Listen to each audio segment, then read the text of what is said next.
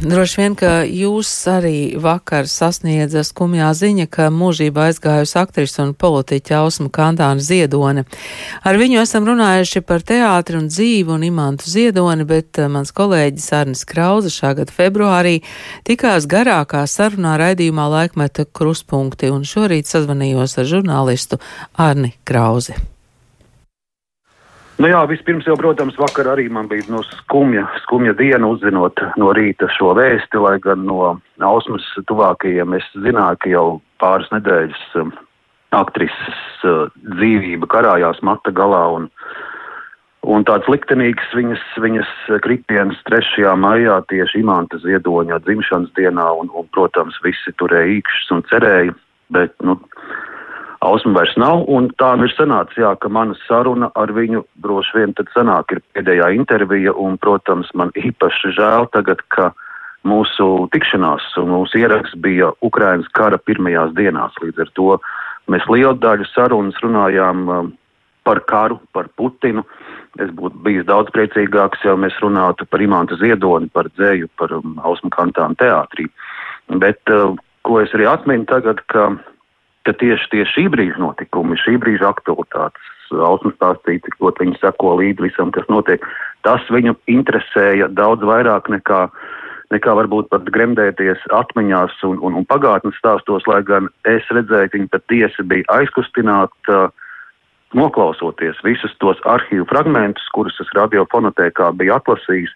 Protams, Ausma ir dokumentēta ļoti bagātīgi radioarkīvā no tiem desmitiem un desmitiem ierakstu es varēju izvēlēties kādus sešus, septiņus, bet eh, tie tiešām arī viņai bija emocionāli, jo par daļu viņa pat nemaz nezināja vai bija piemirsusi, ka tādi ieraksti un darbi ir fiksēti.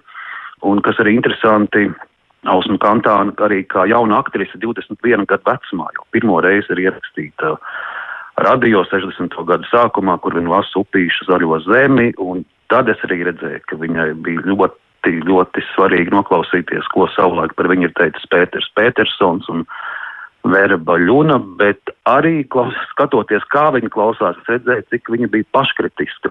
60. gadu ierakstu klausoties, viņa saka, jā, te tur kļūdiņa tomēr bija un tā, un, un, un šī arī man varbūt bija pašam tāda pirmā saruna ar um, aktrisi tieši par viņas radošo pusi, jo kā ziņu žurnālistis līdz šim viņa bija intervējis tikai par politiku. Uh, Pēc intervijas eh, es viņai parādīju dažus radu rakstu pētniecības lietas, jo tā man tāda aizraušanās. Un tad pagāja kāda nedēļa, un pēkšņi skatos, man zvana telefons Ausma Kantāna. Viņa saka, Arni, es manīju, ka tev ir tās zināšanas par pētniecību, un nu, tur viņa viena privāta lieta bija, kur viņai vajadzēja atrast uh, viņas mammas uh, datus, un meklējot mammas datus, es atradu arī cenākus vecvec vecmāmas ausmas, un, un Un tā mēs sarakstījāmies, un, un es viņai sūtīju atkal kādu jaunu arhīva fragment no viņas dzimtes vai kādu bildīti es atradu.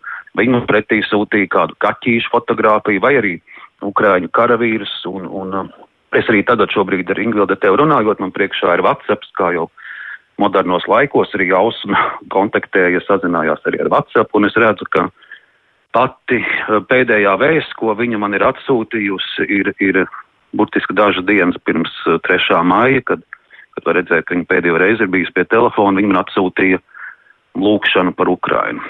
Tā kā Ausma ļoti, ļoti sakoja visam, kas notiek, un, un tādu kā es viņu atceros no ieraksta, ar vien enerģiska, un tad, kad mēs gājām uz studiju radio foje garās lielās trepes, es teikšu godīgi, es knapi, knapi ausmē tiku līdzi, ja, un es tā pie sevis padomāju, tomēr jau cienījami gadi, bet uh, bet tik vitāli, tik enerģiska, jā, nu, es noteikti nevarēju paredzēt, ka, ka šī man būs pēdējā intervija ar Ausmu Kantānu un ka tā būs vispār pēdējā intervija ar Ausmu Kantānu.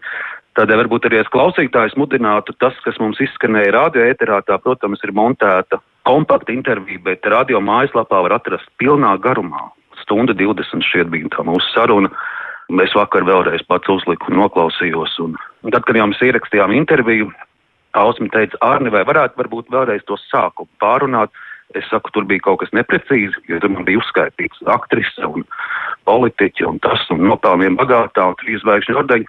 Viņi saka, var tos ordeņus vai ko var, tu kaut ko var ņemt ārā, bet lūdzu, lūdzu, pasaki, ka es biju arī daudzus gadus Rīgas doma kora skolas pedagoģi, ka es strādāju ar, ar jaunajiem. Un, un es teicu, jā, protams, un, un tādēļ es arī šodienas sarunā izmantot, zinot, ka Ausmai tas bija svarīgi. Vēlreiz arī uzsvērt, ka, ka blakus teātra darbam viņai bija arī svarīgs šis darbs ar jauno paudzi. Ausmu kantāna atcerējās Ārnes Krauze, bet um, Latvijas radio teātris, Latvijas radio pirmajā studijā ierakstīja Dailes uh, kanonu, kur bija Raimons Pauls, Ausmu kantāna, Ilze Ķuzuls Krastiņa, Vismas Belševicas, visi koki dieva doti. Šo ierakstu jau jūs drīz vien sagaidīsiet Latvijas radio ēterā, bet um, Belševicas mīlestība Osmai Kantānai ir bijusi ļoti noturīga, jo jau 94. gadā viņa lasīja visi koki dieva doti. Par saknēm būt un ziedus neapskaust.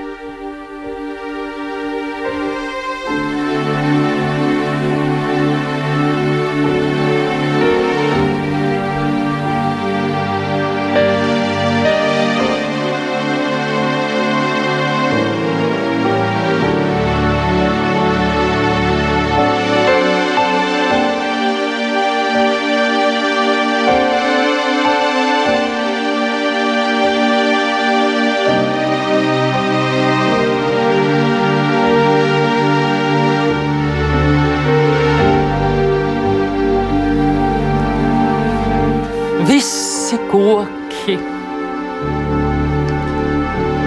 dieva doti. Tikai apse vēlna dota. Visi koki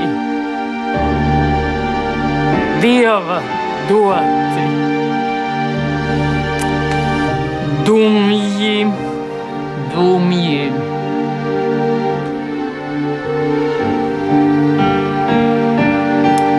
Starp tiem visiem dieva dotiem, vienai pašai, vēlna dotai, starp tiem zaļiem sudrabotai, skumji.